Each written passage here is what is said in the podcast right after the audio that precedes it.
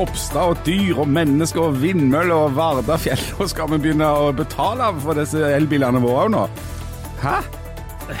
Ja, det blir mye. Og i tillegg så, så kommer det besøk av eh, museal, musealske, musikalske geriatrikere. Vi har krangla om fruktnøtter, og eh, vi har med oss en mann som mer eller mindre har stått opp fra de døde. Velkommen til Aftenbladblad. Dette blir en slags Jeg vet ikke hva det blir. Det blir en fest. det blir en fest, ja. Du ser jo utrolig godt ut. Det må være lov å si. Det må være lov å si. Det er jo Hver dag så står jeg opp, ser meg i speilet og tenker For et prakteksemplar. Da er det vanlig å si Og- det tilbake igjen til den som sa det til deg. Leif Tore, hvis jeg skal være helt ærlig ser, du, ser ganske godt ut, men du er så enormt ung. Er Ja, det. det- Og så går du alltid med huet inne. Det er noe jeg aldri kommer til å forstå. Er det fordi du er kald eh, på toppen der, eller? Det er fordi at jeg er noe frysen i, i hodet, ja. Og Ja. så um, 70% av varmetapet går visst ut av skallen, jeg har hørt. Nemlig. Og så har vi med oss en mann som, og det må være lov å si, Harald Birkevold, du ser ikke god ut. Jeg syns jo nå når jeg ser meg i speilet, så tenker jeg ja ja, det er håp. Men eh, så går jeg jo på jobb da og treffer deg, og så får jeg bekrefta at det var en illusjon. Men du har hatt enkelte helsemessige utfordringer i det siste. Må- Det må være lov å si. Det må være lov å si. Eh, jeg har jo prøvd å si det lenge at jeg ikke er helt god. Eh, Men nå har du ligget på det siste i ukevis. ja, så nå fikk jeg bekreftelse på at, eh, at jeg hadde rett, da. Ja. At jeg var jo ikke helt god, viste det seg. ja det, jo, det må jo være herlig. Men du har hatt litt Ja, ja. etterdønninger etter, en, etter det som tidligere ble omtalt som sykdom i tropene, som jeg ikke var helt sikker på hva var. Eh, Du har hatt vel det som går an å ha uten å dø av det de Ja, det, det er det vi kaller, eller vi, de medisinske profesjonen eh, har da valgt å kalle en eksotisk bakterie. Ja. ja. Og hva snakker vi om da? Nei, jeg vet ikke. En eller annen form for sånn Belsebub i, i bakterieform da, som har tatt bolig i meg. Akkurat. Så det tok noe tid å drive ut da, en form for kjemisk eksorsisme. Men det har vært litt hosten. Det må være lov Ja, å si. jeg hosta en god del, ja. ja har det, har det. Kneet, hvordan er det nå? Nei, altså kneet har jo blekna i forhold til dette andre mer presserende medisinske akuttsituasjonen, da. Så, men det er klart, det er jo ikke bra, kneet. Nei, Det nei, nei. Det, men dette her, dette, det her er det en, en, homos, en uh, homosog-teori. Hvis, Jaha. hvis, når vi gikk på sånn barneskolen, sånn, hvis noen hadde vondt i en fot, så sa vi hvis jeg bare får fyre deg i lamasen, så får du så vondt der at du glemmer at du har vondt i foten, og da kan du være med og spille fotball. Og det funker, det òg. Mm. Og det funker nå. Ja, ja. Jeg fikk stadig beskjed, eller på Bryne var det snakk om at hvis du sa du hadde vondt i foten, så sa de alltid at du halta på feil fot. Og det syns jeg alltid var komplisert. Eh, Å vite helt hva det var du skulle halte, eller hvordan du skulle halte hvis du hadde vondt i en fot. For, ja. Akkurat. Og hvordan en kunne se det eventuelt. Det, det, det er jeg fremdeles ikke helt funnet ut av. Nei, Det det er er akkurat i cowboyfilmene når, når han eh, hestehviskeren sier at eh, hesten er halvt på venstre bakbein. Ja, Så hvordan ser de det? ja sant. helt Ja, det er mye mystisk i verden. Det er helt utrolig. Det er mer enn vi klarer å holde oversikt over. Men vi, i denne uka har det jo, eh, eller de siste ukene har det skjedd mye, eh, mye løye. Men jeg lurte på om jeg kunne begynne med, med noe som er på en måte helt i andre enden av det som er løye. Sånn, du Harald, du har jo gjort et slags eh, journalistisk comeback nå etter en uteperiode, og da har du havna i Du har vært i retten noen dager. Um, mm. Vi skal ikke snakke veldig mye om det, men kan du gi oss en liten sånn kort oppdatering på denne Varhaug-saken? Ja, det er jo alt annet enn løye. Det er det motsatte av løye, som du sier. Eh, det er jo en tragisk, uh, fæl drapssak. Som eh, Altså der det i eh, slutten av juli i fjor så var det ei 13 år gamle jente som ble slått i hjel og drept på Varhaug på natta. Eh, og en eh, nå 19 år gammel mann som var 17 år når dette skjedde, eh, har jo tilstått og har drept henne. Den saken den gikk jo i Sandnes i Jæren tingrett nå i mai. Så endte opp med at han ble dømt til forvaring, altså fengsel uten tidsavgrensning. Så er saken anka, det var venta. Eh, Det var faktisk så venta at eh, saken i lagmannsretten var beramma allerede mens tingrettssaken gikk i vår. Hvorfor var det venta? Altså, alle? Fordi at det følger av den nye straffeloven at eh, når en eh, er tiltalt for en så alvorlig forbrytelse, så har en rett til å få prøvd saken i to instanser. Ja. Eh, Så nå går jo saken for det som kalles en meddomsrett. Det er jo òg en eh, relativt ny ting i Norge, der du har en, en, en rett som består av to fagdommere og fem legedommere. Og hvor minst fem av de må være overbevist om skyldet skyld eh, for at noen skulle kunne dømmes. Og Så er det eh, et, eh, et viktig rettsprinsipp som er oppe her. Tiltalte mener at han var strafferettslig utilregnelig mm. når dette skjedde. Ja. Um, altså at han var psykotisk. Korrekt. Um, og dette er, en, dette er en kompliserte ting. Vi ser ofte på film uh, f.eks. når det er rettssaker at folk uh, på en måte litt sånn ja, det er en slags sånn siste utvei. Mm. Jeg var ikke tilregnelig. Men, men, dette her er et, eh, på en måte et ekte rettsprinsipp uh, som er vanskelig og viktig, har du skrevet. Ja, fordi at det som det er en litt forskjellig praktisering av dette utilregnelighetsbegrepet i forskjellige land. I, i Norge eh, så er, bruker med det som kalles det medisinske prinsippet. Det vil si at eh, hvis du har en psykose, Eh, og det blir bevist, eller i alle fall sannsynliggjort, at den psykosen var til stede eh, når du gjorde det straffbare, så vil det føre til at du ikke kan straffes. Så har vi et annet prinsipp som vi òg bruker i Norge. Det heter jo det der med selvpåført rus. Eh, og Det som er saken her, det er at eh, denne mannen har jo røykt veldig mye hasj i tiden rundt gjerningen. Og da har eh, aktoratet ment at i den grad han var psykotisk når han gjorde dette, så skyldtes det at han hadde rusa seg. Og hvis psykosen skyldes sølvpåført rus, så får du ikke altså så er ikke det regna som strafffriende.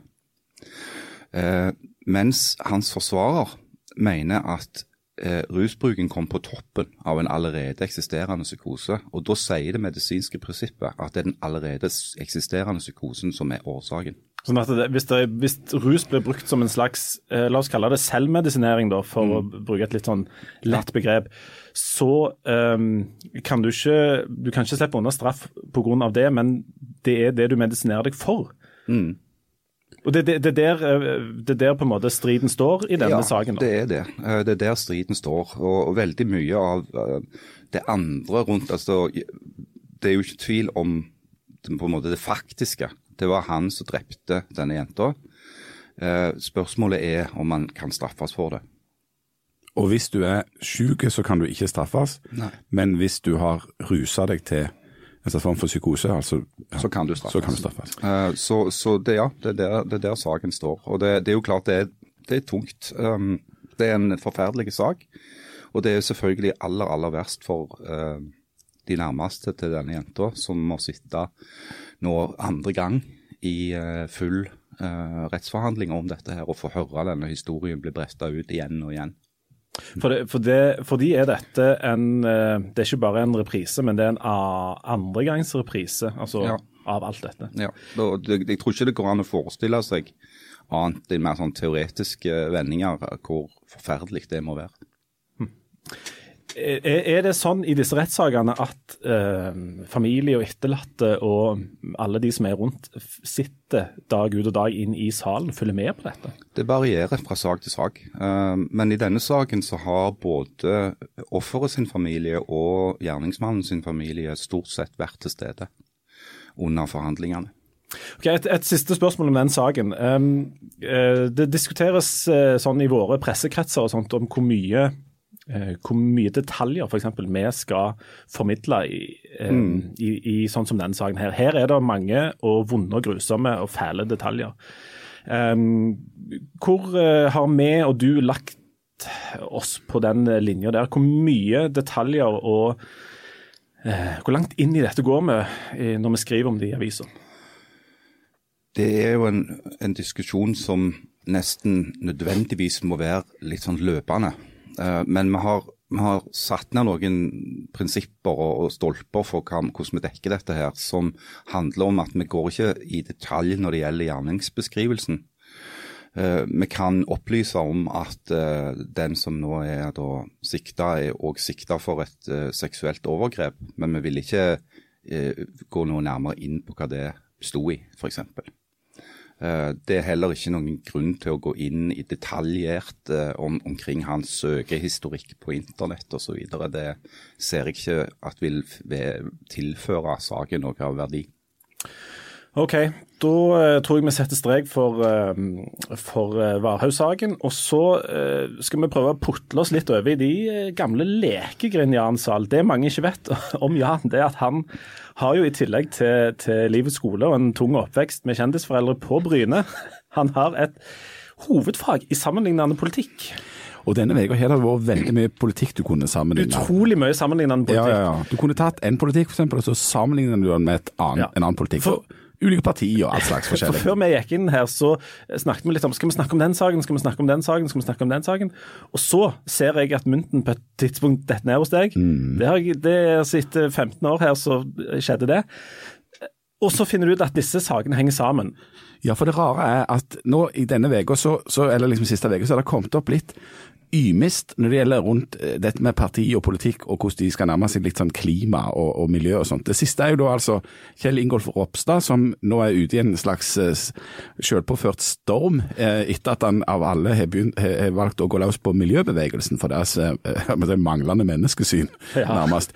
Men, og, og, det er nå én sak. Men, men, parallelt med dette så har Arbeiderpartiet lagt fram sitt alternative budsjett, der de har tenkt å begynne å å, skattlegge elbiler av et visst eh, format på et visst tidspunkt. Men her er det altså to partier som nærmer seg på en måte miljøbevegelsen på litt ulike vis. Og det er vel to partier Harald Birkevold, som har strevd litt med å, å posisjonere seg akkurat i miljøspørsmålet, klimapolitikken.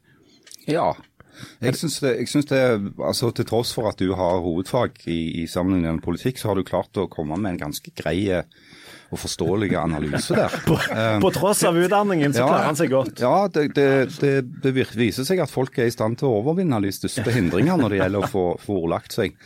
Uh, men det er klart at Ropstad sitt uh, utspill, for å begynne med det, det var jo uh, litt sånn rart. Jeg, jeg, tror det er et sånn erkeeksempel på dette med stråmannprinsippet. Altså at du ja, bare finner på noe som egentlig ikke helt Smaker av en viss desperasjon. Ja. Men, men, samtidig, for å komme Ropstad litt grann i møte, da, så har jeg gjort meg lignende tanker sjøl noen Ai. ganger. Akkurat når det gjelder det med altså den delen av miljøbevegelsen som later til å mene at jorda hadde klart seg så enormt mye bedre uten mennesker. Mm.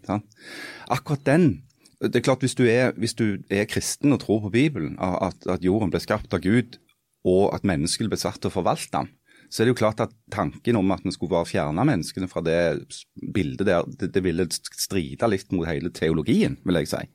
Sånn at jeg ser han har et slags poeng inni der. Men så er det det at han, han klarer liksom ikke å skille helt mellom snørr og barter og, og sånn. Uh, og dimensjonere utspillet sitt. Og, Okay, men, og hvem er det han snakker til? Leif Tore Linde, du har jo en lang bakgrunn som ultrakristen. Misjonsbarn, søndagsskolelærer, Absolutt. Uh, sønn av uh, leder i Kirkerådet. Fundamentalist. Altså, fundamentalist fra det mørkeste av det mørke fastland. Absolutt. Er det sånne som deg han snakker til? Hvem er det han snakker til? Ja, det er jo... Um Eh, han, eh, altså På samme måten som han eh, som Ropstad snakker om miljøbevegelsen som en slags størrelse, så, mm. så, så, snakker jo miljøbevegelsen om på en måte de kristne som en slags størrelse. Og Så vet vi jo at dette er mye mer komplisert enn som så. Men, men hvis vi grovt sett deler eh, kristenfolket i en litt sånn konservative mørke del og en litt sånn eh, gul, eh, framoverlente unge del altså Hareide og Ropstad representerer egentlig disse to ganske godt. Ja. Og Ropstad prøver å treffe den eh, skeptiske eh, delen, altså den, den, litt sånn mørke eh, delen. For det er jo en enormt altså på, på, liksom, i, på, det brede kristne laget i Norge så er det en, et ganske stort miljøengasjement. Den norske kirke f.eks. har vært nå skal du ikke bli veldig framoverlent i miljøsaken før du får kjeft av Frp, men de har jo fått virkelig kjeft fordi at de engasjerer seg i miljøsaken. Mens, tidligere biskop i Stavanger, Erling Pettersen, fikk jo mye kjeft fra uh, det konservative miljøet. Uh, både politisk konservative og religiøst konservative, fordi at de påstod at han drev med politikk mm. når han begynte å snakke om forvalteransvaret, f.eks., for eksempel, som, som vi har blitt gitt. da. Men jeg visste, jeg visste, ikke at de konservativt kristne hater dyr. Jo, de hater dyr, og de liker, og de liker å spise steik. altså, du ser, jo dette, du ser jo dette i USA òg, altså, hvor Trump eh, blir jo, og hans politikk ble jo omfavna av eh, de, de kristenkonservative mm. miljøer, disse evangeliske miljøene på høyresida, eh, som jo mener at eh, det viktigste som står i Bibelen om forholdet mellom menneske og natur, det er at jorden blir gitt oss for å gjøre med som vi vil. Nemlig. ikke sant? Av Gud. Sånn at, og det å prøve å blande seg opp i hvordan vi bruker jorda, er nærmest ukristelig. Ja. Men problemet, problemet til Ropstad oppi dette her er at det, jeg er, han snakker til en stadig mer eh, marginaliserte grupper i Norge. altså Det blir færre og færre og færre av disse. Um, det store engasjementet på på liksom denne, eh, til litt sånn breie kristne lag i Norge, der er det et mye større miljøengasjement enn det er den der skepsisen mot miljøbevegelsen. sånn. Han, har, han, han pirker liksom borti noe som er eh, som tilhører den gjengen av sånne KrF-ere som nok gjerne har hoppet litt over til Frp. Israels venner og litt sånn, de litt sånn gammelmodige. Eh, men, men, problemet for KrF på sikt er at de folka er i ferd med å dø ut. Ja, altså KrF og Ropstad har et lignende problem som Venstre og, og Skei Grande. Det er at det er nå kommet andre partier som kannibaliserer på deres velgere. Eh, og hvordan skal de få lov, klare å binde de til mast, da? Eh, det er jo et stort dilemma for dem. Sant? Fordi at MDG har jo, har jo vært en svøpe òg for Venstre. Fordi at de har stjålet så mange av deres velgere. Mm. Og nå ser òg Ropstad at etter denne her eh, bruduljen i fjor, hvor, hvor partiet nærmest eh, ble splitta i to etter striden om, om veivalget politisk, så, så, har de allerede fått en avskalling. Eh, altså, F, eh, KrF er jo fortsatt et av de partiene i Norge som har flest medlemmer. Før så var det nesten sånn at hvis du stemte på KrF, så var du òg medlem i KrF. Eh, og det, det der har jo vært en trygghet for dem, for de vet at de, de, har en tilstrekkelig stor base til at de aldri står i fare for å falle under denne berømmelige sperregrensa. Men nå har de begynt å bli bekymra for at det faktisk kan skje. Men jeg hadde aldri drømt om at veien til frelse for Kristelig Folkeparti skulle gå gjennom å angripe militante veganere. Nei, Den så jeg ikke komme. Det hadde vi aldri på pensum. Og, og, det, og det, er ganske, det er ganske um, Det er et sånt element av litt sånn utidighet i det som Ropstad gjør. fordi at Han finner jo noen sånne litt sånn marginale ting på noen han har behov for å angripe, så går han løs på det. Så, så, eh, det, er jo folk i, i eh, miljøbevegelsen sine ytterkanter som nok har snakket varmt om ettbarnspolitikk. Uh, og er sånn dyrevelferdsekstremister eh, som mener at dyr og mennesker må sidestilles, og at f.eks. alle kaniner bør få lov å stemme med kommune- og fylkestingsvalg og sånt. Det, de er det nok noen av, men han plukker jo ut eh, noen som ikke er representative for en stor bevegelse, og så går han løs på det. Og Det, det er nok litt sånn, det, det, samme opplever jo eh, kristne hele tida. At eh, Vi har jo den der eh, homodebatt, konverteringsdebatten og sånn. Der finner de jo òg de mest marginale miljøene, og så, lager, og så går de knallhardt på de, og da er det jo det etterlatte inntrykket som en liksom, At de representerer da nemlig, alle kristne? Og det ja. gjør de mm. ikke. Um, men, men Ropstad gjør jo det samme tilbake til, til miljøbevegelsen. og plukker plukke ut noen sånne raringer og særinger og si at dette er dere. Ja, altså Det som Aftenbladet skriver på lederplass i dag, syns jeg er ganske presist. Du har sikkert skrevet det sjøl? Eh, det kan jeg ikke kommentere. Eh, det som er saken, det er at eh, han, han, han velger seg en stråmann, og så fører han debatten inn i et spor som er helt umulig. Altså, det, går å, det, går ikke an å, ha en rasjonell debatt på de premissene som Ropstad legger ned. For, det at, for å gjenta det jeg sa innledningsvis, så er det deler av argumentasjonen til miljøbevegelsen som er diskutabel. Absolutt. Og, og, må kunne debatteres. F.eks. dette her med, med, med, For å ta et annet eksempel. da. Um, det er for mye folk på jorda. Det, det, er vanlig å si. Vi er altfor mange. Mm. Eh, et naturlig oppfølgingsspørsmål da er jo hvem er det du vil skal dø? Ja, hva skal vi gjøre med det? her? Ja. Jeg har en del konkrete forslag. hvis vi skal, skal vi ta de med en gang? Folk som liker fruktnøtt, tenker jeg. Det er jo en herlig sjokolade. Jeg kan ikke forstå dette her. Det, du, vi, kan ikke, vi, kan ikke, åpne den døren. Vi skal gå inn i den diskusjonen. Vi må, vi må litt videre for vi må litt videre til et annet parti som, som strever litt i, i klimadebatten, og det er da altså Arbeiderpartiet. Ja. Fordi at eh, det er jo så mange partier nå som holder på med dette miljø og klima og alt dette her.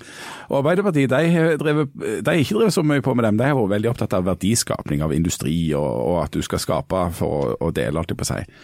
Eh, og Det har jo ført til stor trøbbel i klimapolitikken. Og så er de egentlig for sånne insentiv for elbiler og altså sånne ting. Men nå begynner de jammen å ville stramme inn der. Skal de eh, altså, Arbeiderpartiet er jo på leit etter en politikk. Ja. Og det har de vært lenge, eh, og med god grunn. Uh, og på landsmøtet til Arbeiderpartiet i uh, april så ble jo det den store snakkisen. At partiledelsen ble tatt på senga av motstanden mot eh, forslaget til vedtak når det gjaldt oljeboring ut forbi Lofoten, Vesterålen og Senja, det såkalte LoVC.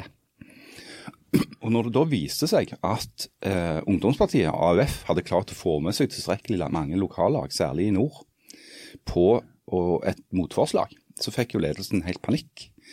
Eh, og gikk da i hui og hast med på et kompromiss.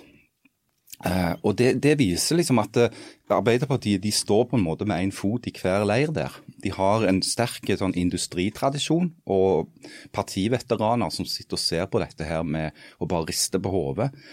Og så har de en ungdomsorganisasjon og en del lokallag som er mye mer ytterliggående når det gjelder miljø og klima. Så det, det, er et problem for Ap, rett og slett.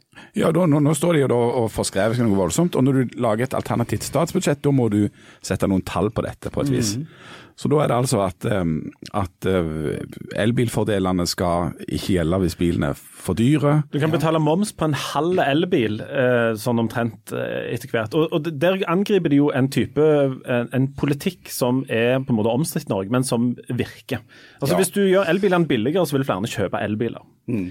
Jeg syns Harald Eia sa det ganske godt uh, når han var i, i, debatt om dette. Han sa at han driter vel i klimaet, vil bare ha en kul bil. uh, og det, Han er jo helt lik Jan. Ja, ja. Så Jan kunne kjøpt seg en Nissan Leaf. Jeg kjøpte meg en Nissan Leaf. En bagatell. Jeg kjøpte en Nissan Leaf. Den ville han ikke ha, så han Nei. ville heller ha en Tesla. Jeg hadde den en stund, den Nissan Leafen. Og en Tesla, en ny Tesla, den blir subsidiert av deg og meg, Leif Tore. Ja.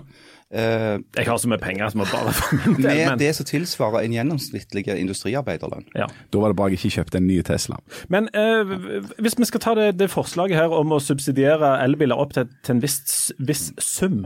Er, er, det en fornuftig måte? For disse elbilfordelene må på et eller annet tidspunkt begynne å tas litt og litt ned. For det, de, de må jo det. Altså, ja. for det her har du jo en sånn klassisk situasjon hvor det ene målet slår det andre i hæl. Det ser du jo veldig klart f.eks. når det gjelder bompenger. Mm.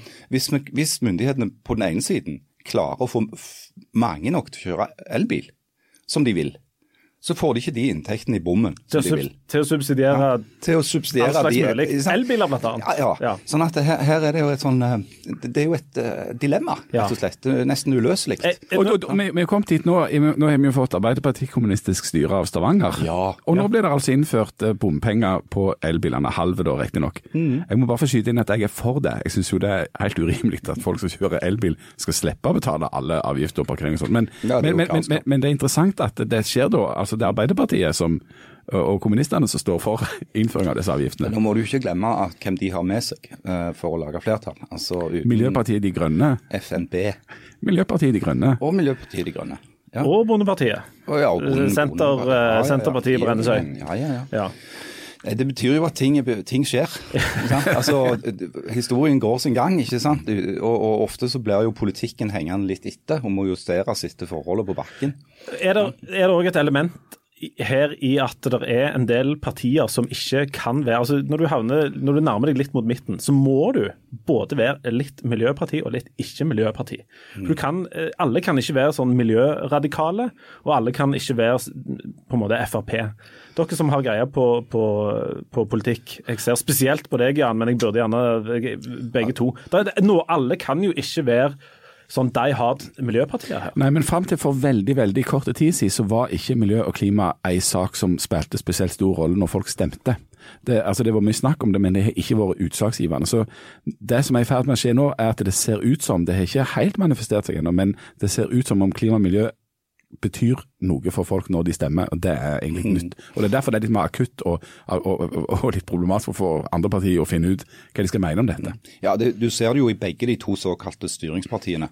Ap og Høyre, at der er de De har sett seg nødt til å på en måte ri to hester. En, eh, sier, en den hesten som sier at eh, klima- og miljøspørsmål er det viktigste spørsmålet i vår tid.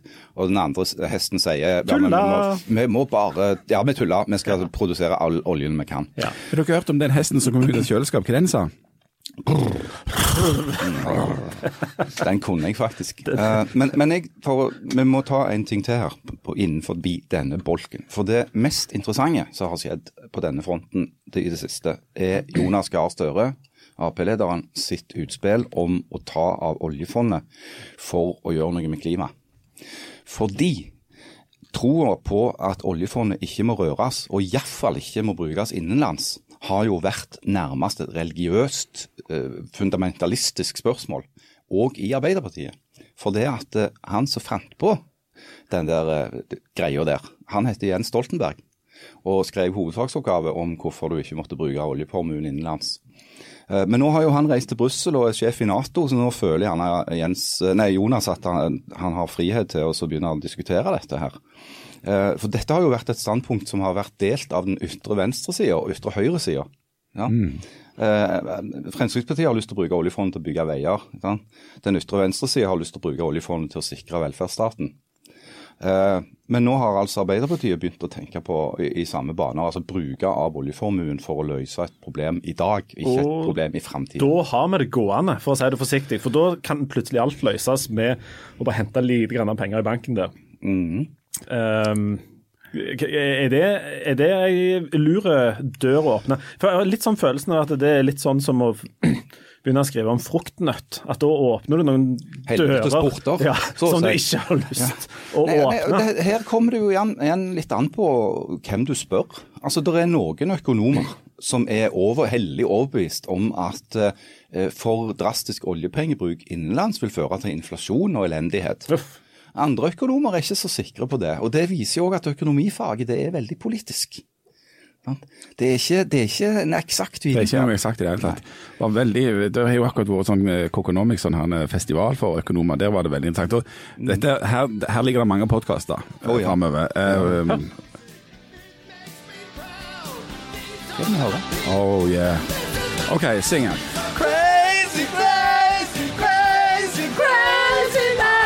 Åh, det går altfor høyt nå. Nei, det, vi klarer det. ikke. It's like crazy, crazy, crazy, crazy life! oh, det går jo til og med for høyt for Paul Stanley. Ja, det var uh, det, og, Dette er Kiss. Dette er Kiss. Kiss. Um, og dette har vi faktisk hørt før på et idrettsstevne i nærheten av oss. Ja, vi er jo det. Uh, og sist uh, vi var her, så var det så vidt han klarte det. Vi klarte det. Eh, Jeg var imponert over meg sjøl, det, det må være lov å si. Ja. Eh, nå kjenner jeg jo at det det er ikke like bra. Men eh, Kiss kom altså igjen, denne gangen til eh, Sandnes, til Østerhus Arena, med stor H i midten, Yes. eh, for å åpne det. Eh, hva skal vi, du, du, Jan, det er jo du som er vår mann på litt sånn Bluesbasert glamrock fra ja. 80-tallet. Jo, um, jo, de har vært her før disse Kiss. Det som jo jeg kan stå fram og fortelle, er at uh, på et visst tidspunkt i livet mitt så var Kiss det aller største som fantes. Jeg malte meg og, og vurderte i en lang periode å kutte den der strengen som ligger rett under tunga. For, Ja, den- for det var en teori jeg- på Bryne om at hvis du at Gene Simmons, han med tunga, hadde skåret den, og derfor han hadde så lange tunga. Ja, ja, ja. Eh, Men så- hvorfor gjorde du ikke det? Ehm, ja, hvorfor gjorde jeg ikke det? Nei, jeg drev og filte en del mot de lågere Du kunne jo blitt en, eh, Sånn en slags suksess i, i selskapslivet. Ja, i en veldig veldig kort periode. Jeg var ikke veldig populær i selskapslivet akkurat på det tidspunktet i livet heller, tror jeg. Men ja. Og minne om at dette er et familieprogram. ja. så, men så eh, og, og jeg hadde dekorert alle veggene mine med både store og bitte små bilder av Kiss. Eh, Det var ikke så mye av de. Sånn at tanken bare på at Kiss skulle komme til Rogaland fylke Helt absurd. var totalt absurd. Og så gikk det jo på det en, det gikk det vel en generasjon, da, så kom de. Og, og da var det jo blitt eh, 72, 76 og Ja. 93 år, disse her. Eh, eh, Hva syns du sist? Jeg, jeg må si, altså Vår kollega Kine Hult som skrev anmeldelser av det, hun syns de klarte seg sånn tålelig godt, særlig pga. at Gene Simmons virka oppegående. Jeg må si jeg var ikke veldig imponert. Det var på en måte litt sånn løye å ha vært der. Ja, jeg syns det var det jeg ha vært der, og for meg var det egentlig en sånn skuffelse, for det holdt ikke mot på en måte min barndoms bilde av hvor fantastisk dette var. Altså, musikalsk så holder de jo ikke der, de har liksom tre, fire, fem gode sanger. Litt sånn som Eh, Odds. Nei, de har to. Ja, sant. Og så sånn showmessig, så liksom når du bare fikk se sånne bitte små klipp og noen bilder av alt det greiene, så var det, eh, så var det fancy, men, men det er jo et tegneseriekonsept, et tegneserieband, eh, og noe pyro og et eller annet sånn Rolls, og sånn, han er altfor mye, egentlig. Men dere to, som jo er i denne kulturen, Ja. og, og beveger dere i denne kultursfæren, hvorfor er det sånn at det bare er band som ikke lenger er bra, som kommer til Stavanger og Rogaland? Ja, altså, For det første så er det jo eh, delte meninger om, om hva som er bra og ikke. Jeg tror For de som arrangerer dette, her, så er det er, Hvis det, er kommer mye folk, så er det bra. drit. Altså det er eh, Whitney Houston etter at hun har, Ja. ikke lenger kan synge. Ja. John Bon Jovi kan ikke synge lenger. Bob Dylan. Bob aldri Dylan har aldri kunnet synge. Altså, Hvorfor kommer, kommer det bare sånne gamle kråker og spiller? det Hvorfor Fordi, fordi de selger de ut, fordi de har råd til de å klare å selge ut en svær arena. Det er jo det enkle svaret ja, på og jeg tror, jeg tror de som, Ja, men Er jobber med publikum her bare interessert i gammel drit? Ja. Ja, det tror- viser seg vel det, Og, og så tror jeg òg vi må ha i mente at de som arrangerer disse her, eh, de er eh, forretningsfolk og ikke i hovedsak sånn eh, kulturarbeidere. Men så, og så er det sånn også at jeg tror hvis, hvis mer sånne unge og vitale artister hadde solgt ut et stadion på ja, til en sånn konsert, så hadde det nok vært eh, aktuelt. Og så tror jeg, Dette har jo òg med sånn pris og tilgjengelighet og sånne ting å gjøre, men det er denne gjengen her som reiser rundt og fyller Jeg har hørt også at de store artistbyråene eller de som arrangerer sånt, de har sånne klausuler som sier at eh, de skal bare spille i Bergen og, og Oslo, og ingen andre plasser. Ja, det, det er nok et element, og vi, vi står ikke øverst på, på, på disse listene her. Men jeg tror eh, så lenge folk uh, syns dette er strålende flott og artig underholdende, så tror jeg uh, vi kommer til å se, se mer av det. I går, men altså, vi, vi snakker om Kiss her. I går satt jeg og så en dokumentar om eh, Rolling Stones i, uh, når de er i Sør-Amerika. Og Det var ganske spinnvilt, bl.a. når de spiller på Cuba. Og Rolling Stones er vel noen av de få i verden som er eldre enn disse folka i Kiss. Eh, og jeg må jo si det at eh, jeg fikk meg en liten sånn en påminning om at alder eh, det- Du trenger ikke bli sliten selv om du er gammel. Det, Ja, Mick Jagger er 78 nå. ja. 78, det er helt helt sinnssykt. Og han er jo Paul McCartney òg. ja. Eh, Så de kan jo være gode selv om de er gamle. Men akkurat Kiss syns jeg virka litt sånn stotrete. Er det fem år siden de var her? Jeg husker ikke mange Ja. det er. jeg, eh, jeg skulle jo oppleve det som potensielt kunne ha vært et slags nirvana i mitt liv. da, for det at eh, Siden det da var litt kjent at jeg var interessert i Kiss, så ble det til at jeg skulle få lov å møte dem. Ja. Og. Og det gjorde du? Og, um, og jeg eh, møtte opp på, på meet and greet med Kiss, eh, og så viste det seg at eh, de to som var der, det var ikke han der Paul Stanley, han med stjerna, og det var ikke Gene Simmons, han med tunga. Det var to andre som var halvparten så gamle, og som jeg ja, jeg vet ikke, vet navnet på.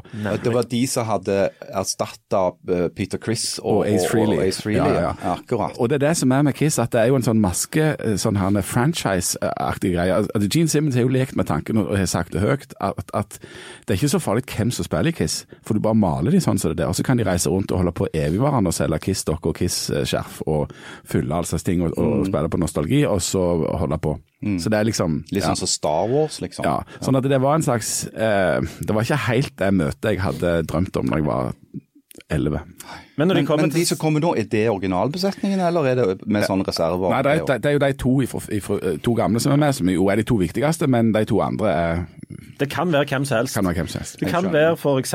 Uh, Stene Åsmundsen og, og Trygve Slagsvold Vedum. Ja. Kan det være han? Er det andre som vi tenker skal være naturlige i en sånn Han, han Ropstad. Han han kunne vært The Fox. Ja. Og så tenker jeg han, eh, han Rasmus Hansson. Rasmus Han Hansson. som jo Han kunne The som Cat. hater folk og elsker dyr. Ja, ja Eh, visst. Han kunne vært The Cat. Eh, og så tror jeg eh, du han kunne antageligvis gjort en, en OK jobb som en av de, kunne du ikke det? Jeg kunne ha uh, filt en del på den der strengen på tunga, og så kunne jeg stått der. Hvis Du hadde klemt testiklene dine hardt i en skuff noen Oh! ganger, og så hadde du kommet opp i Da hadde jeg kommet opp på Crazy Crazy Nights på en måte som Vi får se hvordan det går. Vi eh, hører Hør, men det, altså dette her er uh, Crazy Crazy Nights. Ja. Og det er gammelt stoff, sant? Ja, eldgammelt. gammel. Det er eldgammelt. Altså, du Harald, var vel knapt i 40 år når dette kom Ja, ut? nei, jeg var i, jeg var i slutten av 30-åra. Det er Jeg, 30 år. jeg synger jo, altså. Jeg, jeg kjenner det rykker litt. Ikke sant? Litt grann? Ja, ja, ja, altså. ja, det er bra, Det er en ganske kul sang. Vi lar, uh, eh, vi lar de komme. Altså, gir, gir vi dem en sjanse, for vi kommer til å gå uansett. Vi, forhånd sier vi at det er litt drit, og vi syns det er litt sånn, og så kommer vi til å gå. Jeg kommer ikke til å gå. Kommer vi ikke til å gå? Nei. Vi, må jo, eh, vi, vi får jo betalt for å gå. Ja. Hysj, Det var utrolig unødvendig å si. Vi får betalt for å gjøre dette òg. Neste uke får vi òg betalt for å komme tilbake igjen. Det er ikke til å tro. Jeg tror vi snakkes om ei uke. Ha det. Ha det bra.